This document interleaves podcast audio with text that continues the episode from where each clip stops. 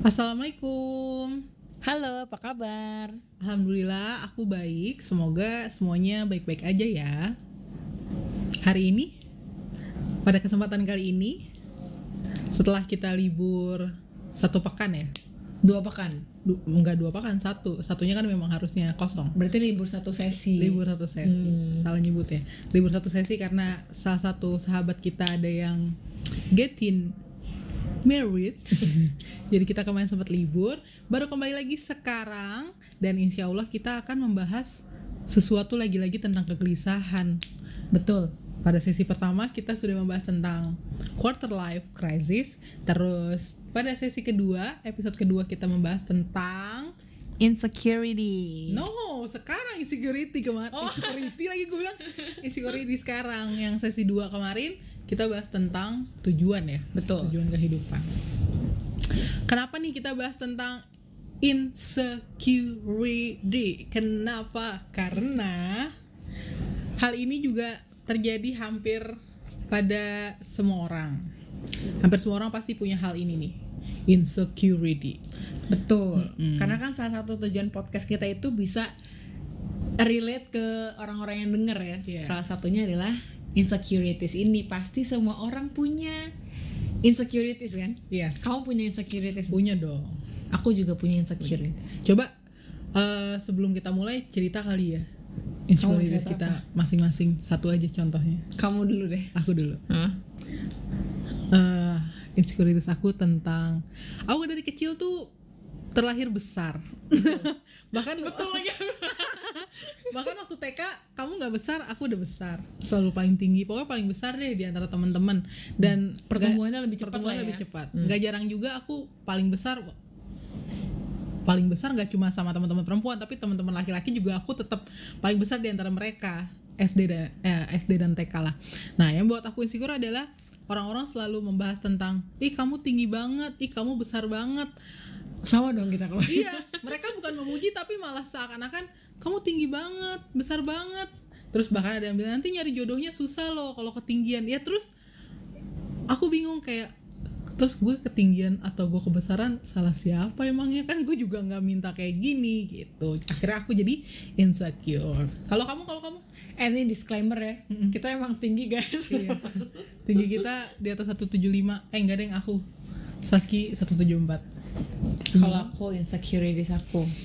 Nggak beda jauh sih. Kayaknya emang perempuan itu kebanyakan insecure-nya itu fisik kali ya, karena kan emang sebagai manusia yang suka berdandan, suka akan keindahan-keindahan, kita pasti memperhatikan segala sudut sisi tubuh kita gitu. Ya sebenarnya nggak beda jauh sih dari kamu, karena kan aku secara physically tidak standar Indonesia gitu. Jadi kalau Nggak SNI ya? nggak SNI gitu. Lumayan sedikit cuma 20% kali SNI-nya jadi kayak kalau misalnya ke mana-mana pasti selalu ya ya gitu deh. Kan kulit kulit aku kan juga agak gelap karena aku mix Afrika dan Indonesia kan. Jadi orang juga suka namanya juga standar sta- beauty standar Indonesia kan seperti yang kita tahu kayak gitu kan. Jadi ya biasa lah orang-orang komentar kayak gitu. Selain komentar aku tinggi banget atau aku gede banget juga komentar kayak kamu nggak mau di bonding misalnya karena rambut aku keriting. Atau enggak kamu nggak mau suntik putih misalnya kayak gitu loh. Itu lebih ke eh, komentar-komentar orang sih. Tapi kalau buat sekarang sih aku udah nggak terlalu permasalahin. Karena udah aku ada di posisi yang kayak ya ya udah gitu.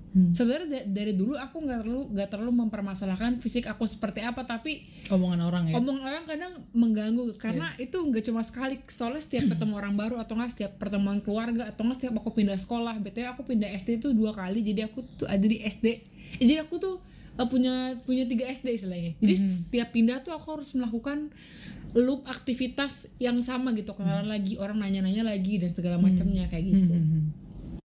Jadi, insecurity adalah perasaan tidak aman yang membuat seseorang takut, gelisah, malu, hingga seseorang ini tidak percaya diri. Tidak percaya diri untuk tampil, tidak percaya diri untuk hadir ke kerumunan, tidak percaya diri untuk ketemu orang. Ya pokoknya dia merasa dirinya nggak cukup lah untuk berada di tengah-tengah masyarakat. Betul? betul betul tapi kadang kita suka bertanya-tanya gak sih kenapa sih bisa ada insecurity Hmm. kenapa sih kita insecure akan fisik kita misalnya kenapa sih kita insecure akan pekerjaan kita misalnya kalau menurut kamu kenapa Can I guess? boleh Kalau menurut aku penyebab salah satu penyebabnya adalah mungkin orang itu pernah merasakan kegagalan atau penolakan. betul betul. Betulnya ngomong-ngomong kegagalan emang ada beberapa emang ada beberapa tipe-tipe insecurity sih Beb. kayak salah satunya yang tadi kamu bilang dia insecure karena dia tuh pernah gagal atau nggak pernah eh, menerima rejection gitu pernah menerima penolakan. Terus ada juga orang insecure gara-gara ya tadi itu karena eh, lack of, lack of confidence. Dia nggak punya kepercayaan diri karena memang mungkin dari kecil dia nggak pernah apa ya eh, di di encourage untuk punya kepercayaan kepercayaan diri itu. Terus ada juga orang yang insecure gara-gara dia tuh perfeksionis. Jadi dia pengen semuanya tuh sempurna. Jadi kalau misalnya mau mengerjakan sesuatu dia selalu istilahnya apa ya kayak dirinya merasa nggak aman dan nggak tenang. Ekspektasi dia terlalu tinggi. Iya bener. E- ekspek- ekspektasi dia terlalu tinggi dan dia juga jadi ke diri dia sendiri tuh merasa kayak kok gue begini ya? Kok kok gue nggak kenapa nggak atau enggak setelah pekerjaannya udah selesai kenapa kemarin gue nggak begini kenapa kemarin gue nggak begitu? Kayak gitu sih. Hmm, berarti si insecurity ini faktornya itu ada internal dan eksternal ya. bener bener bener K- Kalau internal tadi dari memang dia dirinya ini memiliki sifat yang perfeksionis sehingga menurut dia ada aja kurangnya. betul. Atau enggak memang dia nggak percaya diri aja Mhm. Nggak percaya diri pun itu dipengaruhi oleh faktor eksternal ya. bener terus banyak juga sih kalau menurut aku ya insecurity itu kebentuk karena bukan karena sih akibat bedanya apa Karena dan akibat. jadi insecurity itu muncul eh, seiring berjalannya waktu. Mungkin kalau emang kita masih kecil kita nggak pernah tahu kan apa sih insecurity. Pasti kita yang kita pikirin cuman ya main aja senang aja gitu. Makin kita gede makin kita merasa kayak yang kita pernah bahas juga sih tentang standar-standar sosial misalnya kayak gitu. Atau enggak memang society yang kita tinggalin atau enggak eh, orang tua yang membesarkan kita atau enggak lingkungan pertemanan kita yang mendukung kita punya insecurity insecurity tambahan gitu. Misalnya sebelum kita dewasa itu kita nggak pernah mikirin kayak oh penampilan baju gua segala macam. Tapi setelah kita masuk kuliah misalnya kita punya pertemanan baru karena kita merasa kayak kayaknya style gua nggak banget deh gitu. Atau enggak kayaknya tempat nongkrong gua gak gak gaul deh misalnya kayak gitu. Jadi jadi insecure itu juga dinamis. Jadi setiap orang punya insecurity masing-masing setiap tahun setiap dia pindah kerja atau nggak dia pindah pertemanan pasti dia punya kegelisahan kegelisahan baru gitu Hmm. kalau menurut Iya, kamu gimana Kalau menurut aku balik lagi ke penyebab yang tadi aku sebutkan ya tentang penolakan dan kegagalan. Hmm. Ternyata suasana hati kita itu kan sangat terpengaruh Hmm. oleh apa yang kita alami selama kita hidup gitu loh. betul betul Tadi pun kalau menurut aku si perfeksionis itu sebenarnya nggak internal dari diri manusia juga sih. Kayaknya Allah nggak menciptakan fitrah kita sebagai orang yang apa-apa maunya sempurna ya. Hmm.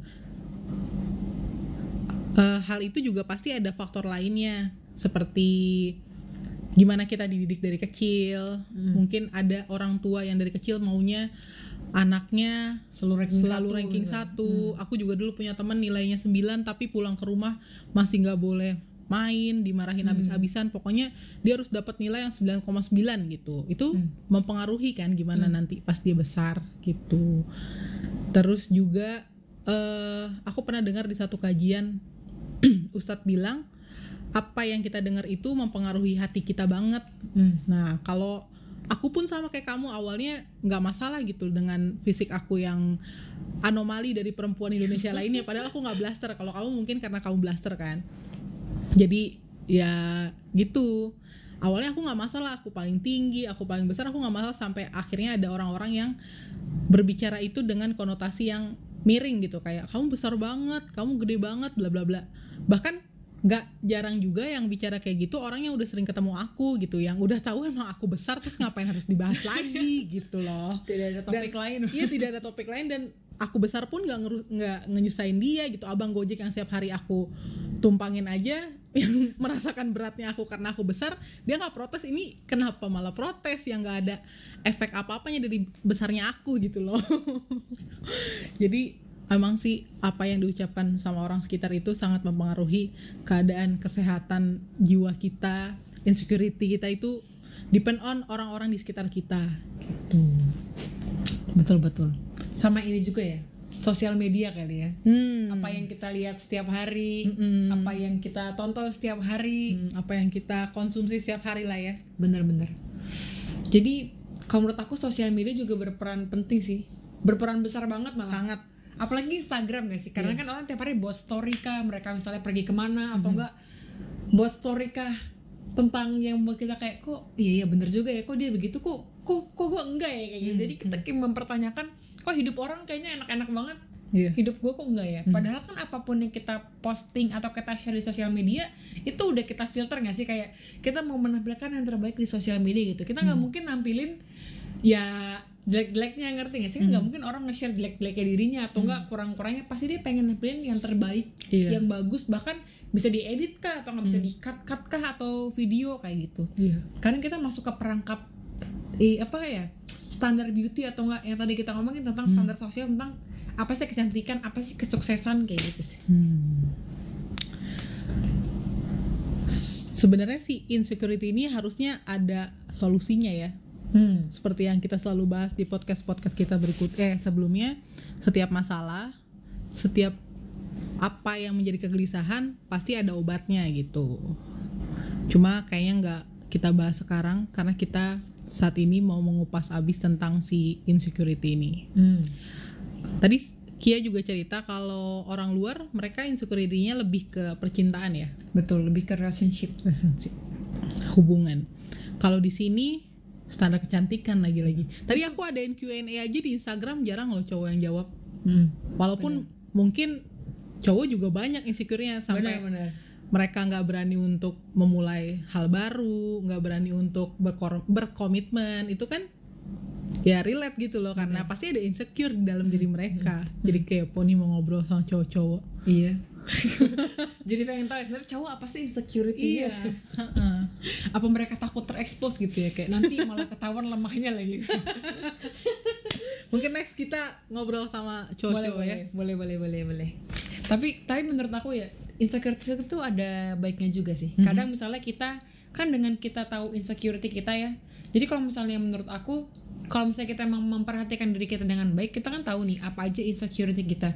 Jadi kita udah bisa memfilter apa sih yang bisa kita improve dari diri kita gitu. Apa yang emang ini udah emang bawaan lahir atau enggak emang kita bisa improve gitu. Kadang ada hal-hal yang emang kita insecurein emang udah sebenarnya itu udah takdir emang emang itu udah lu gitu. Lu nggak bisa rubah lagi tapi ada emang insecure yang emang bisa lu rubah lu betulin atau enggak emang bisa diimprove dengan jadi jadi jadi lebih baik gitu Hmm. Iya iya benar-benar. jadi apa ya kayak menurut aku dengan kita merasa ada yang kurang dengan diri kita berarti kita udah self aware dan kita bisa bisa bisa manfaatin self aware kita itu untuk membuat diri kita jadi apa ya the better person of yourself Hmm. the the better version of yourself Masya Allah mantap. Mungkin eh, ada hal yang boleh kita insyukurin, ada yang kok insyukurin jadi harusnya syukurin ya. ada yang harus kita insyuk mungkin insecure lah insyukurin, bersyukur dan jadi harus ada hal yang kita syukurin gitu kan. betul betul Ini balik lagi ke kalau dalam Islam ada kodar eh kodo dan kodar dan free will kan. hmm. Mungkin yang harus kita insecurein adalah hal-hal free will. Hmm. contohnya Contoh. adalah sesimpel hal ibadah itu mungkin kalau ibadah kita lagi nurun terus kita lihat teman kita oh kok dia udah hafal 30 juz kita boleh insecure hmm. atau ada teman kita yang eh, berhasil nolong banyak orang terus kita belum itu kita boleh insecure. Tapi kalau hal-hal yang udah ditakdirin sama Allah kenapa rambut gue keriting kenapa gue besar kenapa gue apalagi? Kenapa gue orang tua gue cerai. Banyak banget yang jadi insecure karena orang tuanya divorce. Hmm. ya itu kan udah ketetapan Allah gitu loh.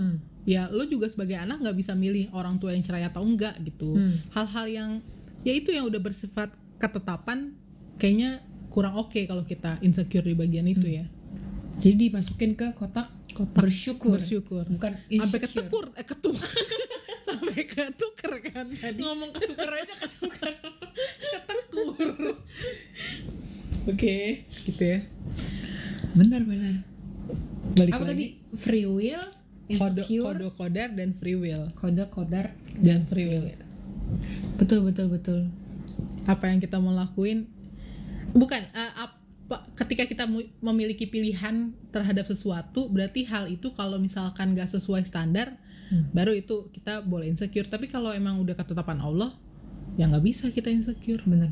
Berarti balik lagi ya ke pembahasan session 2 kita kan di mana kita harus mengenal diri kita sendiri. iya Kita harus tahu porsi kita ada di mana. Apakah hal ini bisa kita rubah? Apakah hal ini kayak hal ini pantas nggak sih gua khawatirkan gitu. Kadang emang ada hal yang sebenarnya bukan tempatnya kita khawatirin tapi malah kita khawatirin gitu. Kayak tadi emang udah takdir tapi iya ya, tapi tapi kita jadinya kepikiran tiap hari gitu. Iya. Ya gimana ya? Kayak misal aku, kenapa sih aku terakhir sebagai Indonesia Afrika? Terus nanti tiap hari gue kayak, kenapa rambut gue keriting, kenapa kuat gue gelap kan jadi kan jadi nggak sinkron ya. Misalnya mau tiap hari aku ngeluh dan insecure juga itu nggak akan ngerubah sampai aku mati pun nggak akan bisa kerubah gitu. emang udah ketetapan itu Emang udah ketetapannya itu. Kalau misalnya aku insecure cuman kayak, kenapa ya? Misalnya, matem gue nggak bisa matematika, ah udahlah gue gak mau temenan sama itu deh karena mereka jago matematika gue nggak bisa. Kalau itu kan kita, jadi bisa entah kita les kah atau nggak kita punya teman yang jago kita bisa nanya kah. Kalau kayak gitu kan masih bisa dirubah kan kayak insecurean kita. Betul. Kayak begitu sih. Iya. Kan nggak ada juga ikan yang memaksakan dirinya untuk terbang kan? Burung juga nggak mau dia Ada. berusaha untuk berenang. Ada ikan terbang? Ikan apa nih yang terbang? Logonya Indosiar jauh oh nyebut nyerok merah tidak di sponsor. Bentar lagi kita jadi pemain film Indosiar boleh? Gitu guys. Sebenarnya penting atau enggak si insecurity ini tergantung sih. Tergantung kita nyingkapinnya gimana. Hmm. mau ambil positifnya atau enggak. Kayak misalkan aku selalu dibilang gede-gede gede ya ya udah. Aku berusaha untuk memanfaatkan sundul. Ya udah gitu loh terima aja. Biarin aja. Dari yang sebel sampai akhirnya ya udahlah emang gue kayak gini terus Iya. mau apa Berarti gitu tuh udah masuk fase insecure habis itu se- kesel habis itu kayak ya udah. gue cinta diri gue apa adanya Mantap. gitu. setiap ngaca aja aku selalu cakep banget gitu. Karena kalau bukan diri kita siapa lagi? Benar benar benar. Gitu. Benar banget. Mungkin next kita bakal bahas tentang tentang apa nih? Insecure laki-laki ya? Ya Kayaknya nih. kepo kan? Pasti Kepo banget pengen nih. tahu. Insecure mereka apa nih? Oh, mereka makhluk visual sekali. Berarti Benar, harusnya mereka lebih benar benar. lebih mempermasalahkan fisik mereka nih. Cuma mereka diem-diem aja. Mereka takut kebuka kartunya kali ya. rahasia bersama gitu. Ini jangan sampai ada yang bocor ya kan di antara lelaki. Oke lah kalau gitu. Sesi ini nggak terlalu panjang ya. Karena kita cuma membahas definisinya aja dan jenis-jenisnya mungkin selanjutnya kita akan bahas insecurity si laki-laki lalu kita cari solusinya bersama oke oke Terima kasih sudah mendengarkan. Ambil baiknya, buang buruknya. Tidak ada ikan kurus yang tidak berdaging. tidak ada ikan gemuk yang tidak bertulang. itu pantun Bukan? Peribahasa Iya. artinya Artinya ya sebaik-baiknya orang pasti punya kesalahan, seburuk-buruknya orang pasti punya kebaikan. Gitu. betul jadi beli ikan yang ada dagingnya iya, eh kok iya? ya pasti ada dagingnya sih. Hope you enjoy. Terima kasih banyak. Assalamualaikum warahmatullahi wabarakatuh. Waalaikumsalam warahmatullahi wabarakatuh Love you all. bye bye